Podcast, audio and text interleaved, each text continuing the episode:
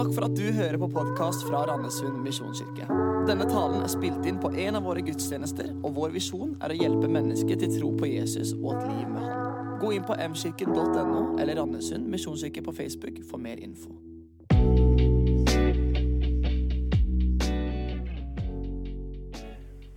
Fader Alexander han var sliten og nedfor. I uker og måneder hadde han jobbet fra tidlig om morgenen til seine kveld i steinbruddet. Og håpet det var i ferd med å slukne. Det var ikke en ikon å se. Og Hvis det fantes en bønnebok, så var det ikke tillatt å lese i den. Å gå til gudstjeneste under slike forhold det var helt utenkelig. Han kom jo ikke ut av fangeleiren, og i Sibir var det langt mellom gudstjenestene. Men så en dag ser Alexander at uh, leppene til en nyankommet fange beveger seg på en måte som han kjenner igjen. Og Når han ser etter, så ser han at, han, at fangens pust den følger leppenes rytme. Da er ikke Alexander i tvil. Han har funnet en medkristen. En bønn uten ord har avslørt han, og den fremmede han ber Jesusbønnen. Herre Jesus Kristus, Guds sønn, forbarm deg over meg. Herre Jesus Kristus, Guds sønn, forbarm deg over meg.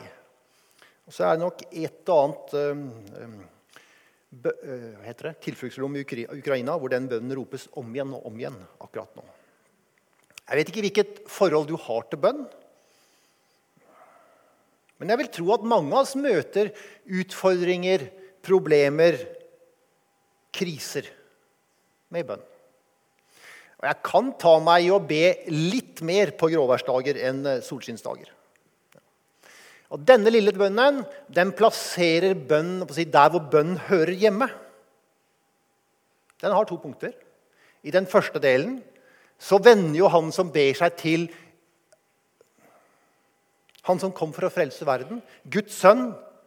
Og han vender seg til det hele den treenige Gud, Herre Jesus Kristus, Guds sønn. Ja, Det er jo teologi hvert ord, så vi kunne holdt på med det i dag. Men det proklamerer sannheten om hvem Gud er. Hva Gud har gjort for verden, for oss og for deg og meg. Og I den andre delen av bønnen, som jo er et rop om nåde, så erkjenner jo den som ber sannheten om seg selv. Så det å be, det er å gi sin tilslutning til sannheten om Gud og sannheten om mennesket og erkjenne sannheten om meg selv. Eh, som Hanna sa, så heter jeg Øyvind Skjegstad, og jeg hører jo til her i menigheten. Jeg er vel en del inventaret, kan du si. Ehm, og til daglig så jobber jeg på Ansgarskolen, akkurat som Gordon som talte sist søndag. Og i denne taleserien så er det vel Roy Elling, er du neste søndag? Ja. Du jobber opp på Ansgarskolen, gjør du ikke det? Jo. Ja. så når du også jobber her. Ja. Det er jo akkurat nå vi på Ansgarskolen driver og rekrutterer studenter til, høsten. Både høyskolen og bibelskolen, så Det kan du godt anbefale noen hvis du treffer noen underveis. Det var dagens reklame. Så denne taleserien den heter jo 'Lær oss å be', med utgangspunkt i, i vår far. Og bønnen vår far den finner vi jo i Matteusevangeliet. Eh, og eh, Matteus evangeliet det fører jo tilbake til disippelen Matteus. Det er jo ikke sikkert det var han som skrev det, men vi regner jo liksom at det er hans beretning som ligger til grunn. Ja. Og så er jo også denne bønnen skrevet ned i en litt sånn korte, litt strammere form i Lukasevangeliet. Og vi vet jo at Lukas han samlet jo ting sammen og så skrev han ned etter som folk hadde gjenfortalt det. Og så er det jo kanskje litt merkelig at Markus ikke har tatt med dette i sitt fortelling. Det er jo kjempeviktig. Og vi, Tradisjonen forteller oss at eh, Peter kanskje fortalte sin fortelling til Markus. At Markus skrev den ned, så er det veldig merkelig at de ikke har med dette. For Peter fortalte det jo helt sikkert. Ja. Men Markus hadde mye han skulle sagt på og veldig mye, og måtte jo velge bort veldig, veldig mye. Men vi skal ta utgangspunkt i det slik som det står hos Matteus. Slik som vi ber det regelmessig. Og nå ba vi det til å begynne med i dag, og det skal vi gjøre hver søndag i denne tallserien. Men vi skal ikke begynne å gjøre det hver søndag resten av, resten av året. Men denne bønnen som vi finner i Matteus kapittel 6 Og Der begynner det jo med en advarsel i kapittel 6. Pass dere. Pass dere så ikke dere søker ære hos mennesker. Ikke søker ære hos mennesker når dere gjør gode gjerninger. Ikke søker ære hos mennesker når dere gir til de fattige. Ikke søker ære hos mennesker når dere ber. Ikke søker ære hos mennesker når dere faster. Og så skriver Paulus til romerne alt som du ikke gjør i tro, er synd. Og synd, det, ja, det kan vi jo definere på mange måter. Det gis av og til ulike forklaringer på det. Og en som av og til brukes, er at synd ja, det er å bomme på målet. Det er ikke alltid det fungerer veldig bra, men akkurat her her fungerer det kjempebra. Ikke sant? For det å, å, gjøre gode gjerninger for å vinne ære, ja, det er jo å bomme på målet. Ja. Å gi til de fattige for å vise hvor from du er, altså eh, gi til Røde Kors og sørge for å fostre på Facebook samtidig. ikke sant? Da er spørsmålet hva var viktigst, egentlig? Ja. ja. Å be for å vise hvor from du er, eller å faste for å vise hvor from du er, ja, da bommer du jo på målet. ikke sant? Fordi da setter du deg selv i sentrum. Og Det er det Jesus sier. Pass dere for det. At ikke dere setter dere selv i sentrum, at dere ikke gjør deg selv til fokus. Nei, vær, vær isteden ydmyk. Og For to uker siden så sa Hanna noe utrolig fint. her Hun sa at ydmykhet er det eneste stedet, eller eneste jorda hvor nåden kan slå rot. Veldig, veldig fint. Eh, og det handler jo om det her, tenker jeg, at eh, vårt liv det må være et sted hvor Gud kan få lov å slippe til. Ja. Så pass dere. Ha prioriteringen i riktig rekkefølge. Og det er det den lille bønnen som vi nå skal snakke om, handler om. For når dere ber, så skal dere be slik. Vår Far i himmelen. La navnet helliges. La ditt rike komme. La viljen skje på jorden slik som i himmelen, og gi oss vårt daglige brød. Tilgi oss vår skyld, slik også vi tilgir våre skyldnere. La oss ikke komme i fristelse, men frels oss fra det onde. For riket er ditt, og makten og æren i evighet. Amen. Og Sist søndag så ga Gordon en veldig god introduksjon til bønnen. Så Hvis ikke du har hørt den, så må du gå hjem og høre den. Om hva det er vi ber om, hvorfor vi ber. Og veldig, veldig bra. Så det må du høre hvis ikke du har gjort det. Så skal vi nå snakke om den lille teksten. La ditt rike komme, la din vilje skje på jorden som i himmelen. Og Det første er jo dette La ditt rike komme. En dag så trår jo Jesus liksom ut på plattformen og begynner sin offentlige gjerning. Og da sier han dette. Tiden er inne. Guds rike er kommet nær. Vend om og tro på evangeliet. Og Når Jesus forkynner dette i begynnelsen, der, så, så peker han jo på seg selv ikke sant? og sier at når jeg er kommet, så er Guds rike nær. Og Det er vel antageligvis ingen som skjønner det i begynnelsen. Og Hvis du leser i evangeliet, så ser du at sakte, men sikkert så, så går det kanskje opp et lys for noen av disiplene. Og typisk Midt i Markus så kommer liksom Peters bekjennelse. Å ja, ja, du er Messias, den levende Guds sønn. Da hadde han liksom skjønt noe. I hvert fall et lite øyeblikk. Og dette riket, dette riket som Jesus forkynner, hvordan er det? Hva er dette Guds rike? Jeg mener, var, Jesus var ikke den første som påsto at han var Messias. Han var ikke den første som påsto at nå, nå, kommer det nye riket, nå kommer Guds rike. Det var en rekke med sånne messiaser før Jesus, og noen etterpå også, som ikke lykkes spesielt godt. Men med Jesus så var det annerledes. Og når Jesus da kommer foran uh, rettssaken som fører til hans død, så svarer han Pilatus, og så sier han, 'Min kongemakt, den er ikke av denne verden.' Var min kongemakt av denne verden, da hadde mine menn kjempet for at det ikke skulle bli overgitt til jødene. Men min kongemakt er ikke herfra. Eh, og Det var det som skjedde med disse andre som påsto at de var Messias. De kjempet eh, politisk og militært og tapte. Så Guds rike, det er noe annet. Det har noen andre verdier, det har noen andre prinsipper. det er av en annen verden. Og det er to skriftsteder i Nytestamentet som jeg tenker på som, som viser oss hva er det Guds rike hva er det egentlig. Og det første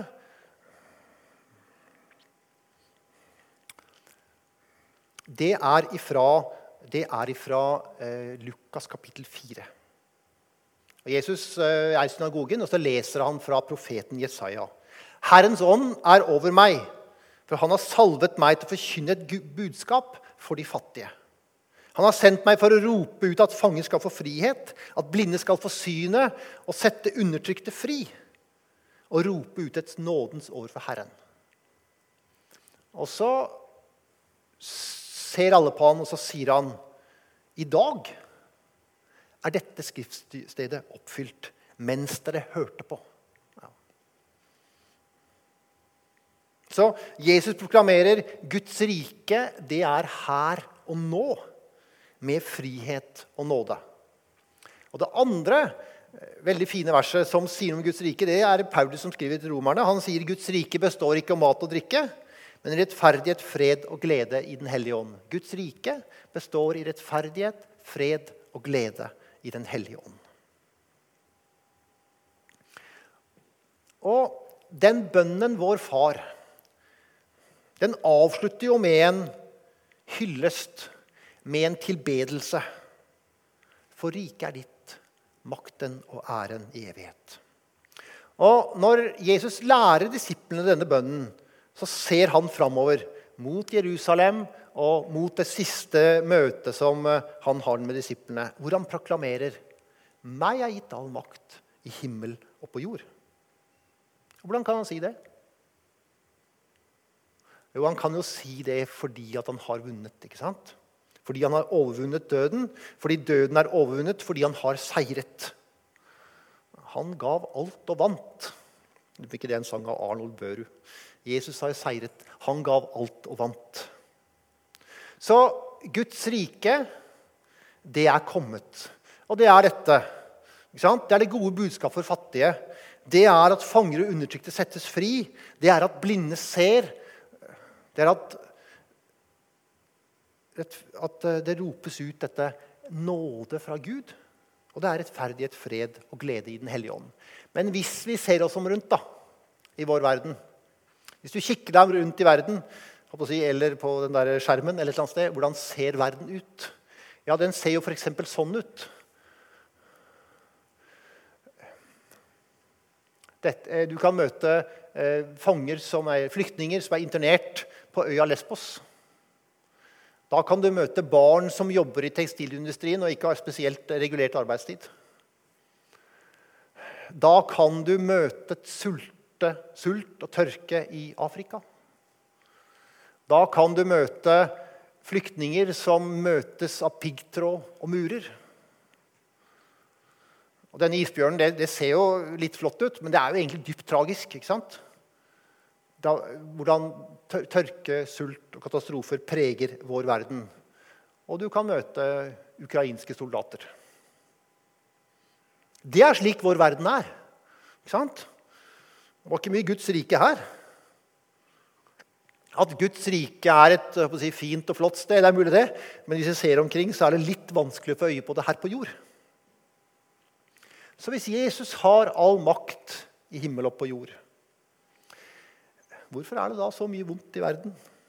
Jeg mener, Hvordan kan han som har lovet denne frihet og frelse og sette folk fri, tillate at, alt, alt, at dette skjer?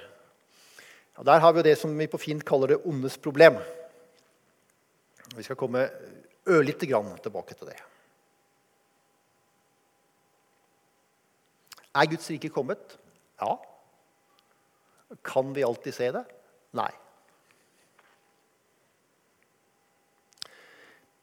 Fienden er beseiret, ikke sant? Men han har ikke sluttet å slåss.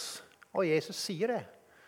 Tyven kommer bare for å stjele, drepe og ødelegge. Og det, det ser sånn ut. Ikke sant?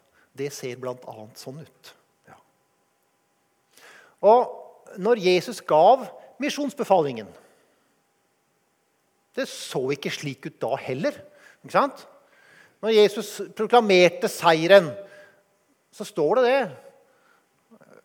Jesus sa meg gitt all makt til himmel og på jord. Og så står det men noen tvilte. Det er litt sånn som vi har hatt nå tidligere. Seriøst, Jesus? All makt til himmel og jord? Ja, særlig. Det så jo absolutt ikke sånn ut. Nei. Og det ser ikke helt sånn ut nå heller. Men det er ikke med bakgrunn i hva vi ser, vi må bedømme hvordan verden er. Men det er, bak, det er i troen som forteller oss hvordan verden virkelig er. Om du tror, da kan du faktisk se at bak bildene så fins en annen virkelighet. Med troen så kan vi se at Guds rike ja, det er kommet. Selv om det ikke alltid er like synlig. Så når vi ber 'La ditt rike komme', så er jo ikke det et fjernt håp. Det er ikke ønsketenkning. Det er ikke noe vi tror kanskje kan hende. Nei, det er noe som hender. Vi ber med troens vitshet Guds rike må det komme mer og mer. Må det bli mer og mer synlig i vår verden. Guds rike er kommet. Seieren er vunnet. Men på samme måte som når Jesus lærer disiplene bønnen, så ser han fram mot noe som skal komme. På samme måte er det som oss. ikke sant? Vi ber. Guds rike er kommet. Men nå og da, og så er det synlig noen glimt nå og da, og så ber vi om at det skal bli mer synlig. Og det, Sånn opplevde de første kristne det også. ikke sant? At det var langt mellom si, det som Jesus hadde tegna som bilde, og den virkeligheten de levde i. Ja. Og Derfor så skriver eh, forfatterne hebreerne til hebreerne i kapittel 12 La oss legge av oss alt som tynger, og synden som så lett fanger oss inn. Og med utholdenhet fullføre det løpet som ligger foran oss, med blikket festet på Han, som er troens opphavsmann og fullender. Jesus. For å få den gleden han hadde i vente, så holdt han ut korset uten å bry seg om skammen. Og nå har han satt seg ved Guds trone, høyre side. Det er der han sitter. og Det betyr at han har vunnet, at seieren er vunnet. Og så er det litt igjen på å fullføre det her hos oss. På samme måte som han holdt ut i sine prøvelser, så utfordres vi til å gjøre det samme i det som vi møter. Og En eh, teolog som heter Leon Morris han har skrevet en veldig veldig god kommentar til Matteus. Den er litt, litt, lang, men den er veldig god. Eh, og Han skriver det In heaven, God's will is perfectly done now. Guds vilje er jo egentlig perfekt. For there is nothing to hinder it. And the prayer looks for a similar state of affairs on earth. Altså, Guds rike det er jo kommet. Og så ber vi om at det skal bli synlig på vår jord. At det som allerede er, skal komme. At det, at det skal bli en realitet. Og når det virkelig blir en realitet, ja, da vil jo også det her ondes problem få sin endelige løsning. Ja. Og så fortsetter han. The kingdom is a present reality. But the, here the future kingdom is in mind. Altså, God is to take action. Er, Guds rike er jo Guds business. Det er han som holder på med det.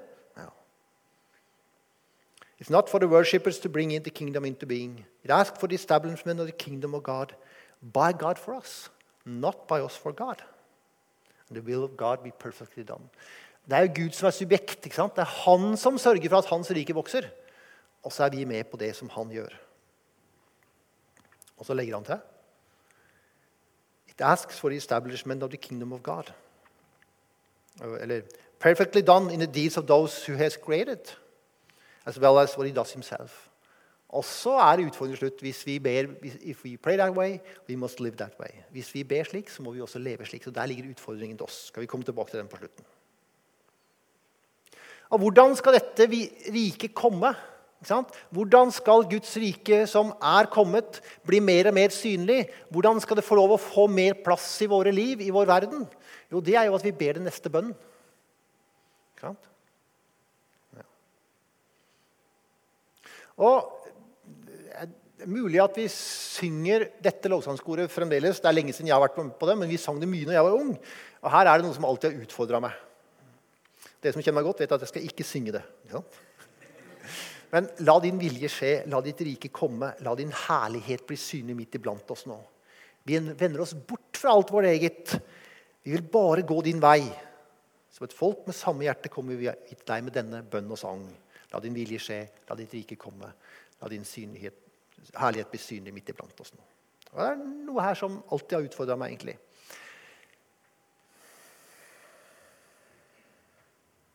Det er en bønn om at Guds rike og hans herlighet skal bli synlig. Og Vi kan tenke oss at uh, Guds herlighet, hvordan ser det ut? Jo, det ser ut sånn som vi nå har sagt. Ikke sant? Et godt budskap for fattige. At blinde ser, at fanger får frihet. At det ropes ut et nåde for Herren. Rettferdighet og fred og gleden Hellige Ånd. Det er Guds herlighet på jord. Det er Guds rike synlig iblant oss. Men tror jeg på Gud? Ja, det gjør jeg. Tror jeg at uh, Gud er en god far? Ja, definitivt. Tror jeg at Gud har fredstanker og ikke ulystanker? Ja, det gjør jeg. Tror jeg at Gud gir framtid og håp? Ja, det gjør jeg. Tror jeg at det beste for meg er å vende meg i gavekall på mitt og la Hans vilje skje? Nja Ikke sant? Da Ble, det ble ikke så lett å si ja, da. Det var liksom det,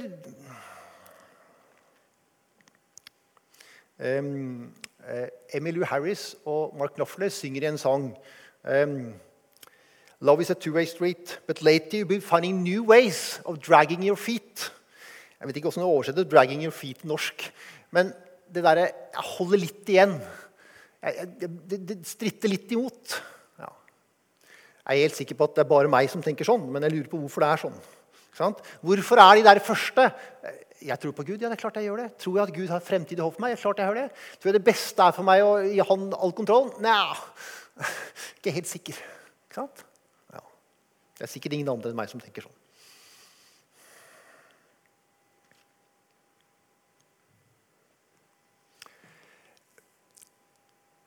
Hva skal vi fylle inn på den der streken?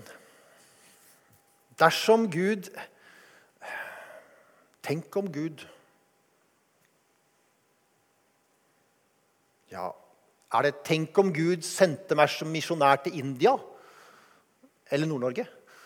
Hvis han virkelig fikk viljen sin. Ikke hva, som, hva, hva vil du skrive på den streken? Er det 'tenk om' Er det økonomi og penger som bare dukker opp i huet med en gang da? Eller er det noen relasjoner? Eller, eller, det, eller stiller du et annet spørsmål?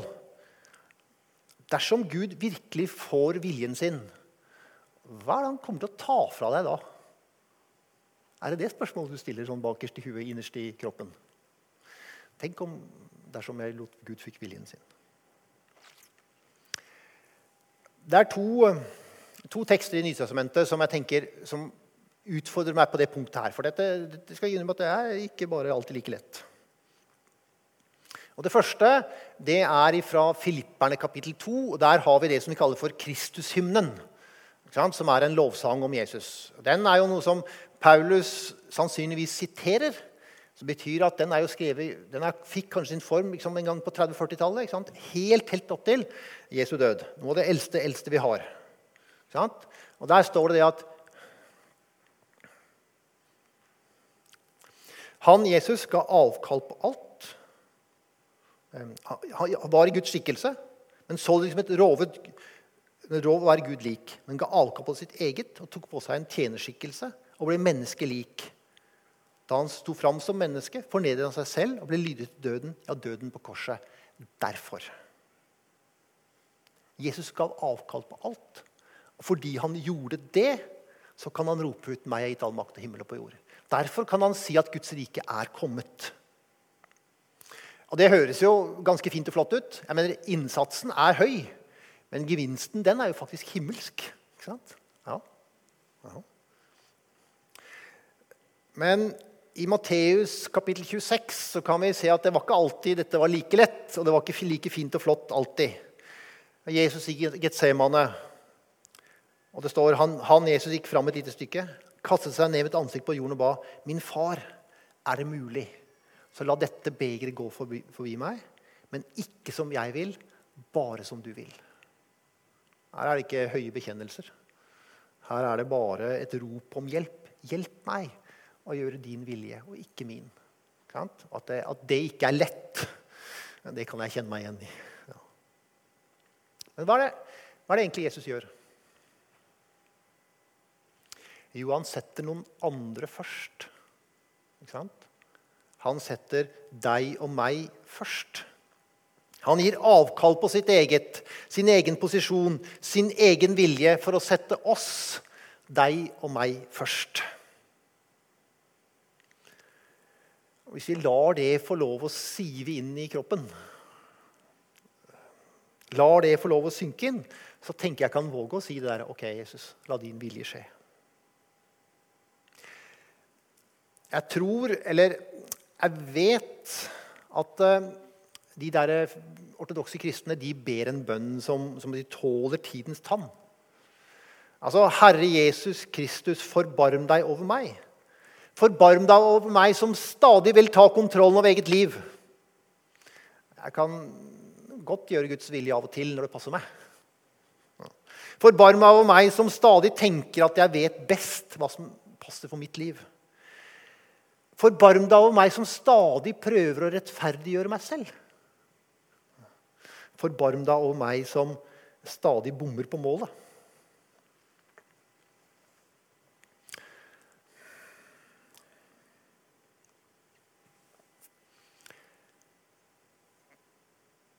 Guds vilje og Guds rike. Er det slik at, for det, er det slik at det si, er avhengig av oss? Hvis vi går tilbake til det der koret ikke sant? La din vilje skje, la ditt rike komme, la din herlighet bli synlig midt iblant oss. Vi bender oss bort fra alt vårt eget. Vi vil bare gå din vei. Er liksom det premisset at eh, vi vender oss bort fra alt vårt eget og går, ikke gjør noe av vårt eget? Da kommer Guds rike. Er, er liksom premisset vårt Og så sitter vi med nøkkelen. Nei, altså, Det å be om at Guds vilje skal skje, det er noe mye større enn bare meg og mitt liv og deg og ditt. Sist søndag så spurte Gordon litt sånn retorisk hvorfor skal vi be om at Gud skal være hellig. Er ikke han hellig fra før av?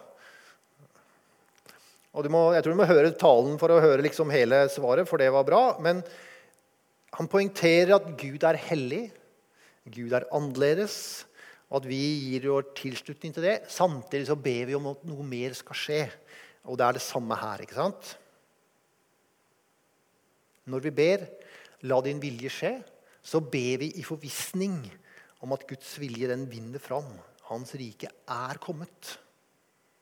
At det som er perfekt i himmelen, nå skal bli synlig på jorden, og at vi skal være med på det. Ja. Å be om at Guds vilje skal skje, jo, det er å be om at det, eh, det gode budskapet skal forkynnes for fattige. At fanger og undertrykte settes fri.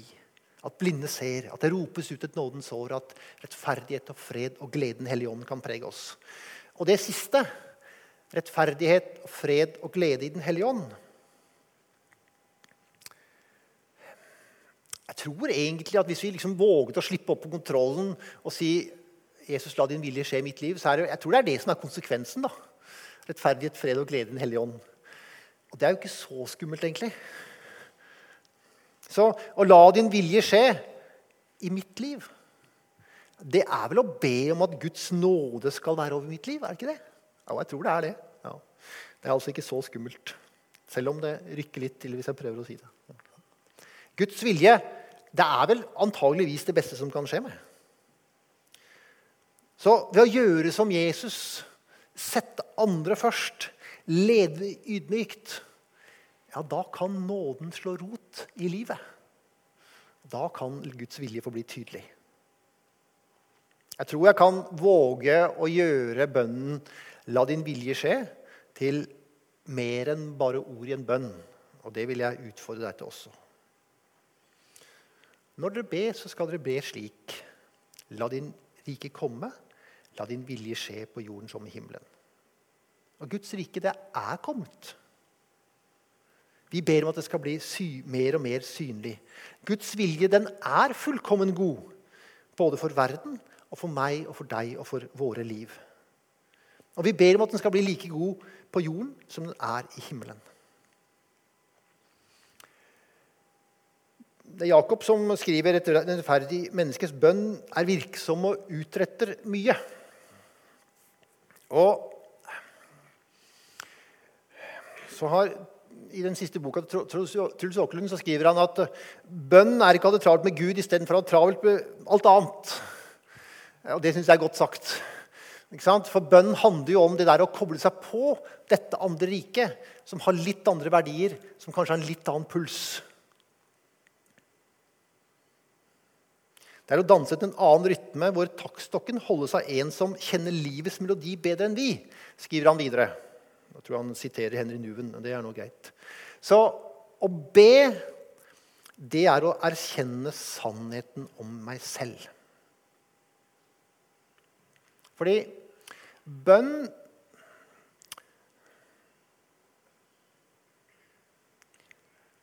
Og det å be vår far det er jo, Og utfordringen er jo at det ikke bare blir et ritual.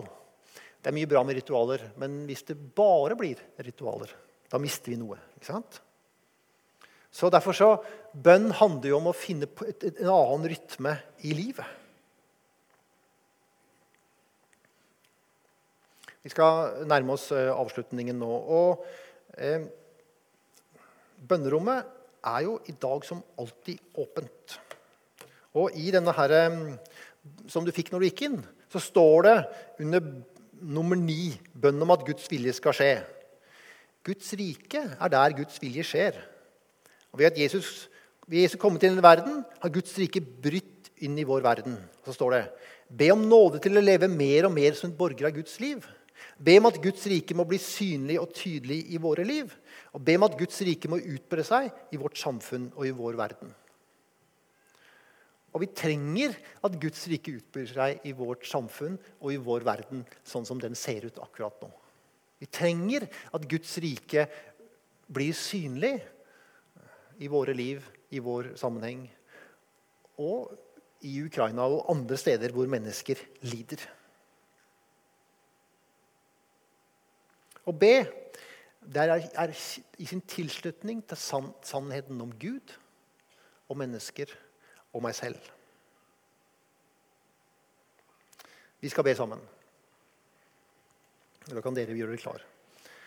Som jeg sa, Bønnerommet er åpent. Det er mulig å tenne et lys for Ukraina eller for andre som du tenker, tenker, trenger det. Det er mulig å legge en bønn i bønnekroka altså i responsbrettet. Og så er utfordringen er La din vilje skje, Herre kan det bli til mer enn bare noen ord, men etter en måte å leve på.